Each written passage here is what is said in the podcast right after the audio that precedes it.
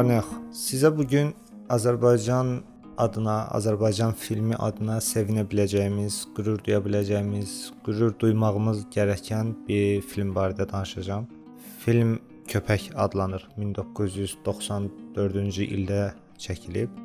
Rejissoru barədə və heyəti barədə birazdan ümumiyyətlə filmin süjeti barədə birazdan daha ətraflı danışarıq. Amma əvvəla toxunmaq istədiyim bir mövzu var. Deymək istədiyim bir məsələ var. O da ə, e, bu günün Azərbaycanında, yəni müasir, inkişaf eləmiş, ə, e, mədəni, tanınmış, kino sektoruna lazım qədər pul ayrılmış olan bu günün Azərbaycanında belə bir film çəkilə bilməz. Belə bir filmi çəkmək mümkün deyil bacarıqlı, qabiliyyətli insanlarımız olsa da bu cür bir filmi biz %80, %90 ehtimalla biz heç vaxt Azərbaycanda izləyə bilməyəsik. Səbəbi də odur ki, bu gün Azərbaycan filmlərinin, Azərbaycan film sektorunun çox böyük bir hissəsi, hətta mən belə düşünürəm ki, artıq gedişat onu göstərir ki, tamamı pul məqsədli, kommersiya yönlü inkişaf eləyir düzü inkişaf eləyir. Yəni kinomuz çox yaxşı inkişaf eləyir, amma böyük bir hissəsi kommersiya yönlü inkişafdır. Burada e, ideya baxımından, texnika baxımından və yaxud maddi baxımdan heç bir inkişafdan söz gedə bilməz. Deməli, bəzi adamlar var, hansı ki onlarla oturub söhbət eləyəndə çox vaxtda bu insanlar hal-hazırda kino ilə azdan çoxdan məşğul olan insanlar olur. O insanlarla oturub danışan kimi bu adamlar başlayırlar Sovet vaxtında çəkilmiş filmləri və yaxud köhnə dövrdə çəkilmiş filmləri pisləməyə. E, soruşursan ki, bəs niyə xoşva gəlmir o vaxtın filmi? Hamısı qayıdır deyir ki, bəs onlar Sovet ideologiyasını təbliğ eləyirlər, Sovet düşüncəsini təbliğ eləyirlər, Rusun e, bizə dayatdığı düşüncələri təbliğ eləyirlər. Halbuki e, o insanların qabağına e, çıxardıb qoyanda ki, bəs bax, yaxşı, bəs 2022-ci ildə, 2020-ci ildə, lap deyək yaxşı, 2010-dan sonra Azərbaycanda düzəməlli çəkilmiş bir dənə də olsun film göstər. İndi də onda da deyirlər ki, bəs yox, əslində yaxşı filmlərimizi çəkə bilən adamlar var, sadəcə olaraq bu səfər də pul yoxdur, imkan yoxdur deyirlər. Çox səhv düşünürsüz. Çünki Azərbaycanda Elə o vaxtda pul yox idi. Yəni kino sektorunda heç o vaxtda da sanıldığı qədər çox pul yox idi və o vaxtda da indi olduğu kimi bu işi eləməyi bacaran, bu işi eləməyi istəyən insanlar var idi. Sadəcə olaraq fərq bilirsiniz nədir? Bax, fərqi deyim sizə. Çünki biz o vaxtı Yəni bizim o vaxtda da pulumuz yox idi, indi də pulumuz yoxdur. O vaxtda da iş bacaran adamlar var idi, indi də iş bacaran adamlar var, amma o vaxtı yaxşı filmlər var idi, indi yaxşı filmlər yoxdur. Bunun səbəbi bilirsiniz nədir? Bunun səbəbi sadəcə olaraq o vaxtki işlərin yaradıcılıq məqsədi ilə olmasında idi. İndiki işlərdə yaradıcılıq məqsədi ilə qətiyyən, amma qətiyyən heç bir iş görülmür. Görülmür də. Bax görülsə bir dəfə də olsa bir dənə hansısa bir kinonu açıb baxıb o kinodan zövq alıb deyərik ki, ayda görün nə qəşəng kinodur. Mən yoxdur demirəm, var. Əlbəttə ki, var. Məsələn, Rüfət Həsənovun çəkdiyi filmlər var. Emil Quliyevin hamısı olmasa da pərdə məsəl üçün Azərbaycan kinosunda bir biraz da olsa yenilik eləməyə çalışan, biraz da olsa yenilik eləyən filmlərdən idi. Hilal Baydarovun filmləri məsəl üçün bir neçə dənə də var. Yəni adını çəkmədiyim bir neçə dənə də rejissor var ki, onlar da hal-hazırda Azərbaycan kinosu üçün nəsə eləməyə çalışırlar. Amma bunlar o qədər azdır ki, yəni bunlar o qədər azdır ki, biz bu dəqiqə ölkədən xaricdə öz filmlərimizi nümayiş elətdirə bilmirik. Çox çətinliklə eləyirik bunu. Yəni bu uzun bir müddət, uzun illər ərzində bizim kinomuz Azərbaycandan çölə ilk dəfə səhv eləmirəmsə bu Talih Yüzbəyovun filmi ilə bir yerdə çıxdı. Arada bəzi filmlər var idi. Səhv eləmirəmsə festivala qatılan bəzi filmlərimiz var idi arada, amma onlar sayılmır. Onlar da ona görə sayılmır ki, çünki o filmlər getdi, orada iştirak elədi və yox oldu. Yox olmağın da səbəbi oldu ki, o filmlərin sayı çox azdır. Yəni biz 3 ildən, 4 ildən bir hansısa xarici festivala kino göndəririk. Onda da o qədər çox xəbər mahiyyəti daşımır. Yəni daşıyırsa belə bunu bizim e, xəbər saytlarımız, müxtəlif xəbər agentliklərimiz bunun üstünə çox düşmürlər. Yəni biz öyrəşmişik boş-boş şeylərə xəbər mahiyyəti daşı daşımayan şeyləri xəbər mahiyyəti daşıyırmış kimi göstərmək. Yəni bu gün hər hansı bir xəbər saytını açanda orada eynən televiziya kimi kimsə kimsə öldürdü, kimsə kimsə bıçaqladıdan söhbət gedir, amma halbuki biz festivala falan film göndərəndə oradan səs çıxmır. Yəni o barədə heç kim heç nə yazmır. Yazırsa da 2 sətr nəsə bir şey yazırlar və salam. Və salam. Üstü bağlandı, çıxdı, getdi. Halbuki məsələlər belə olmamalıdır. Azərbaycan kinosunu xaricdə də tanıtmaq üçün, ölkədən qıraqda da tanıtmaq üçün bir səy olmalıdır, bir çaba olmalıdır.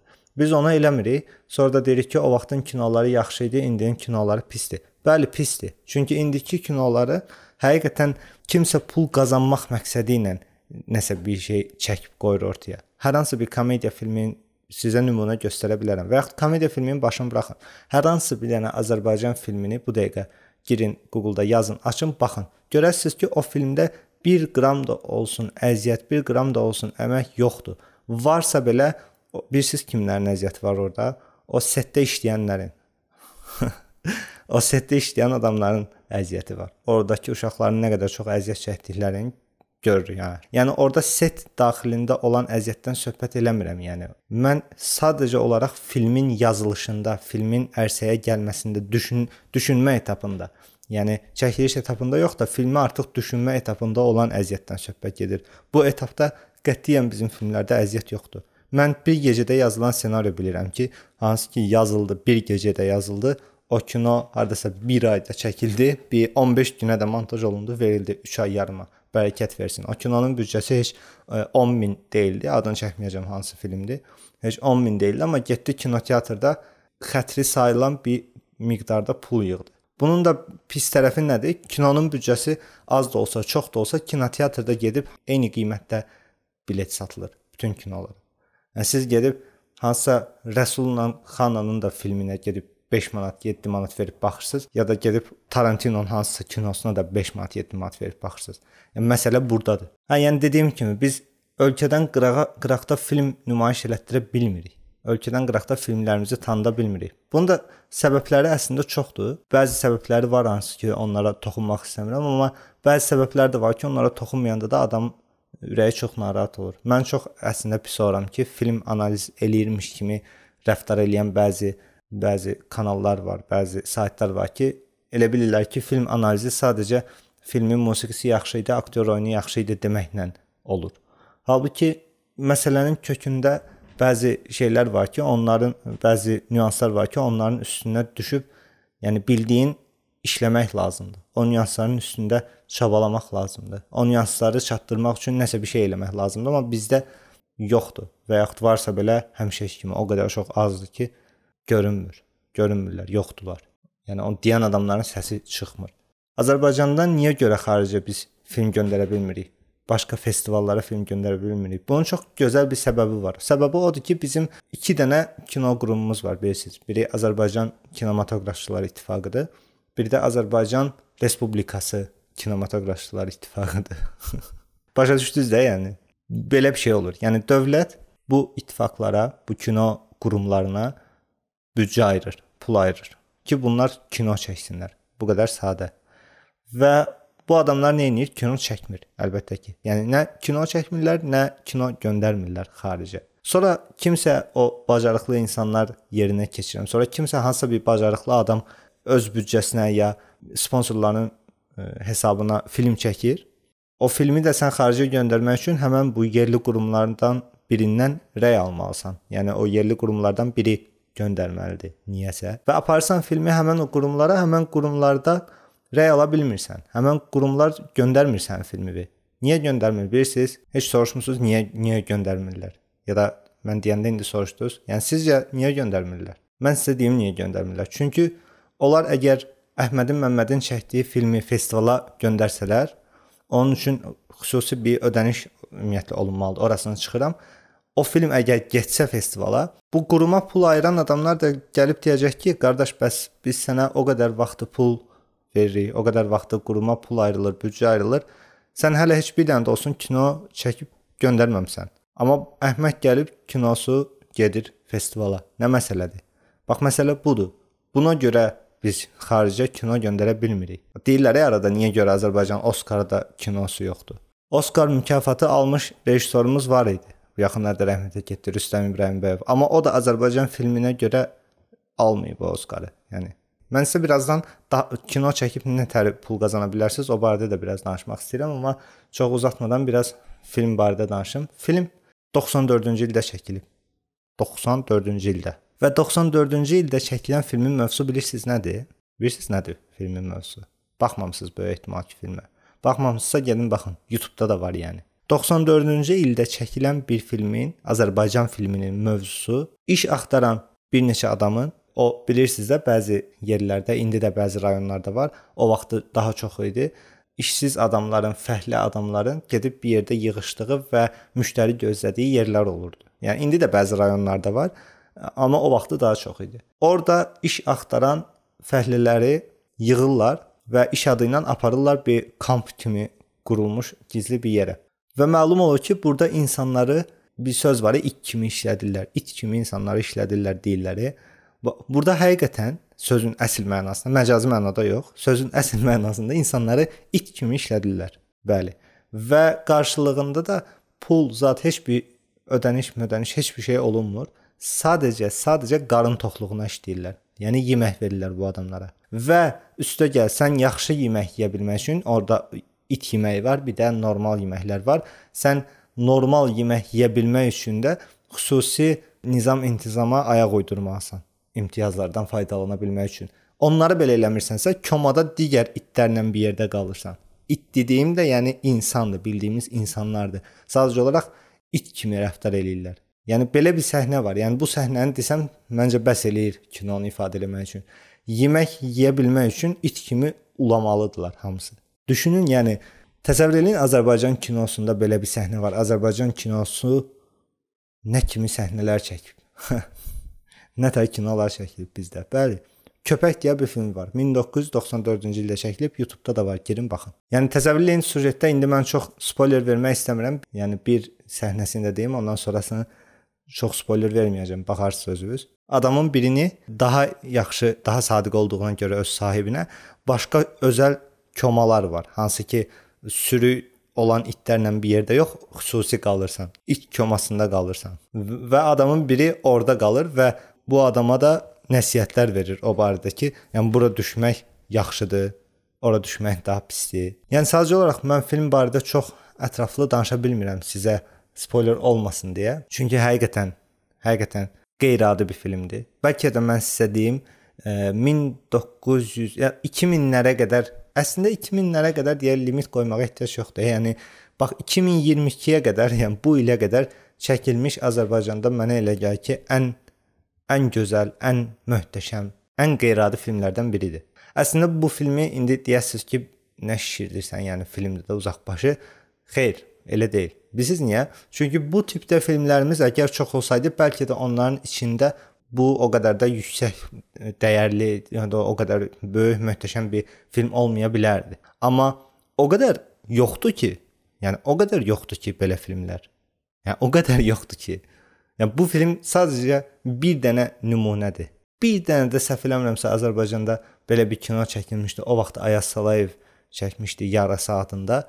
O kino da getdi qadağan olundu. Bu köpək filmi də səhv eləmirəmsə nümayişi qadağan olunmuşdu. Amma mən düşünürəm ki, nümayişi qadağan olunmağı hələ yaxşıdır, yəni. Hələ qadağan olunubsa yaxşıdır. Bu gün çəkilsə Azərbaycanda belə bir film ki, bu gün çəkə bilməzsən. Yəni bu gün milyon dollarların olsa, bu filmin eynisini, eyni sujetlə, eyni ssenari ilə Azərbaycanda çəkə bilməzsən. Amma tutalım ki, çəkildi belə bir film. Yəni sadəcə qadağan eləməzlər. Özünüz bildiniz də, yəni bu film sadəcə qadağan olunmaz. Yəni bu filmi çəkən adamdan tutmuş, çəkilən adamlara qədər yəni ən azı bir iki dəfə məhkəməyə çıxarlar. Yəni ki, bu nədir burada çəkirsiniz deyə. Və siz düşünün, ilin günün 1994-cü il vaxtı adamlar belə bir film çəkiblər. Köpək adında film çəkiblər. Filmin prodüseri Hacı Hüseyn Qasımovdur. Zamanında Vahid kino studiyası deyə bir kino studiya var idi. Həmən o kino studiyanın məhsuludur bu film. Filmin ssenari müəllifi də Loğman Kərimovdur. Quruluşçu rejissor da Tofiq Tağzadədir. Ümumiyyətlə Tofiq Tağzadənin filmləri həmişə digər Azərbaycan filmlərindən həmişə fərqlənib öz stilistikası ilə, öz çəkilişi ilə, öz tematikası ilə, mövzusu ilə, süjeti ilə, hər şeyi ilə digər Azərbaycan filmlərindən ümumiyyətlə fərqlənib, amma bu film Tofiq Tağzadənin digər filmlərindən də fərqlənib hər şeyi ilə. Tamam, yəni 1994-cü ilə baxanda dünya ilə özümüzü müqayisə eləyib kinolarımızı müqayisə eləyəsə olsaq, yəni əlbəttə ki, əlbəttə ki, texniki çatışmamazlıqlar var. Çatışmamazlıq deyil o, bu arada çatışmazlıqdır, səhv eləmirəmsə. Texniki çatışmazlıq əlbəttə ki, var. Çünki bu film 94-cü ildə Azərbaycanda çəkilib. Hətta mən sizə belə deyim də, yəni 2022-də bəzi filmlər var ki, elə bilsən kalkulyatordan çəkiblər filmi. Yəni o qədər bərbaddır. Ona görə 94-cü ildə çəkilən filmə baxanda deyirsiniz ki, ayda nə bomba çəkiblər. Tamam, yəni filmin çox texniki problemi var dediyim kimi, yəni işıq işıqların quruluşunda olsun, nə bilim, işıq partlamasında olsun. Bəzi nüanslar var.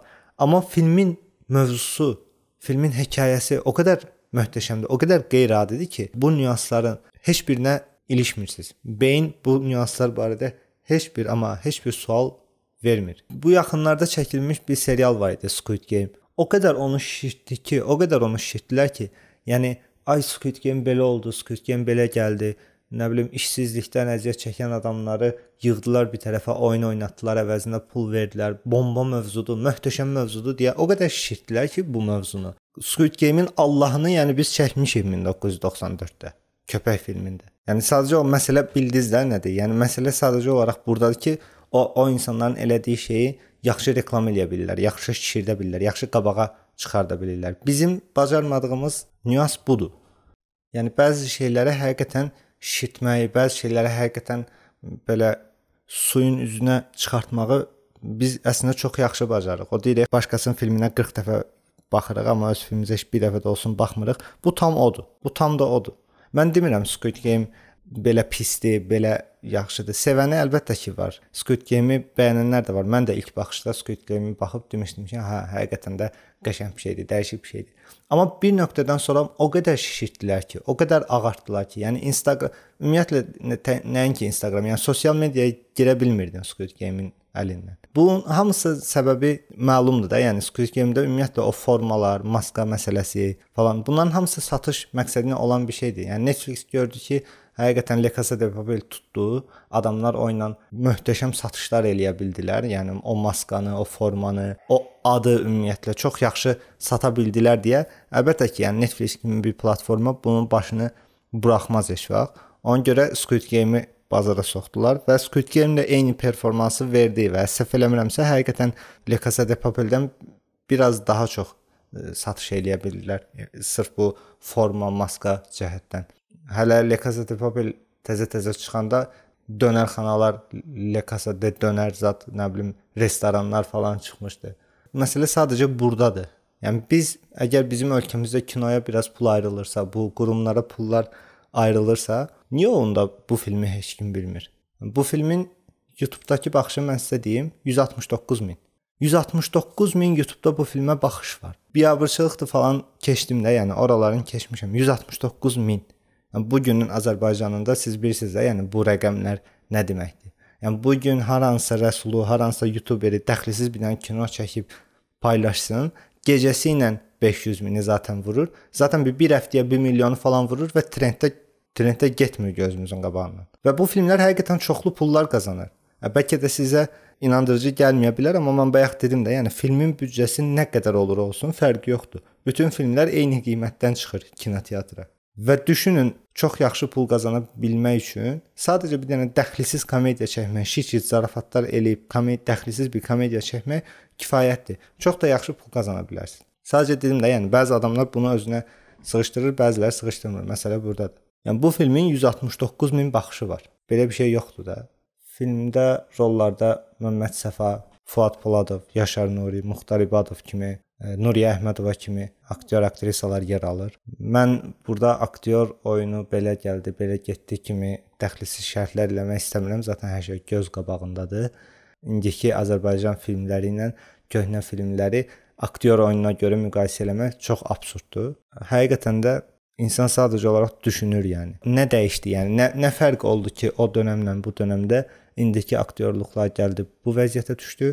Amma filmdə inkişaf deyəndə başqa şeylər yada düşdü. Sadəcə olaraq texnika yada düşdü. Ki mən texnika, texnika deyirəm. E. Texnika deyəndə də elə çox da ağlınız şeyə getməsin. Yəni bomba Hollywood kameraları falan filan o R-dir, Red-dir falan filan. Biz belə şeyləri çox nadir hallarda istifadə edirik. Məsələn mən sizə bir misal gətirim də bu təzə təzə şəkilli bu keçən il çəkilən Ağanati 2 filmi var idi.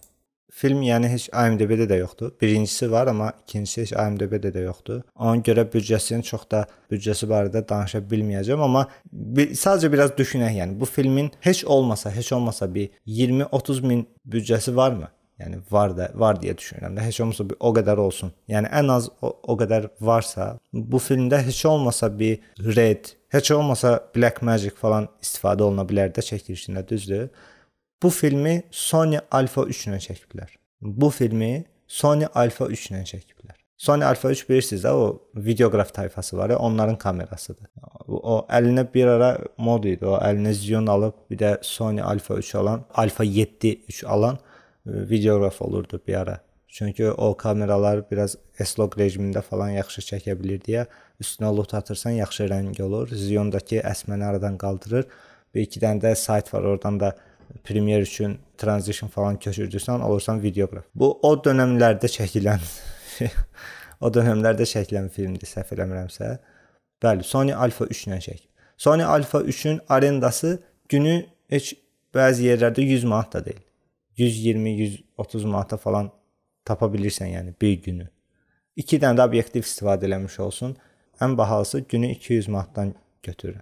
Və təsəvvür eləyin, bu film həftələrlə kinoteatrda qalır və hamı bu filmə gedir. Yəni filmin bileti 5 manatdan, 6 manatdan, 7 manatdan satılanda görün özünüz təsəvvür eləyin nə qədər pul eləyir. Yəni texnika dediyim məsələ budur. Yəni texnikada inkişaf eləmişik dediyim şey budur. Yəni biz çox nadir hallarda o bahalı kameralardan falan istifadə edirik. Dediyim kimi, e, film YouTube-da var. Bəzi yerlərində başqa musiqilərdən istifadə elədiyimizə görə orada musiqisi kəsintili olur, amma girib rahatlıqla izləyə bilərsiniz. Yəni izləyə bilərsiniz yox, iz, izləməlisiniz. Bir Azərbaycan Azərbaycan filmi olaraq bu film bəli izlənməlidir, izlətdirilməlidir. Çünki belə bir film bu gündən sonra çox heyf ki, Azərbaycanda görə bilməyəsiniz. Nəysə, özünüzə yaxşı bax, gələn dəfə danışarıq.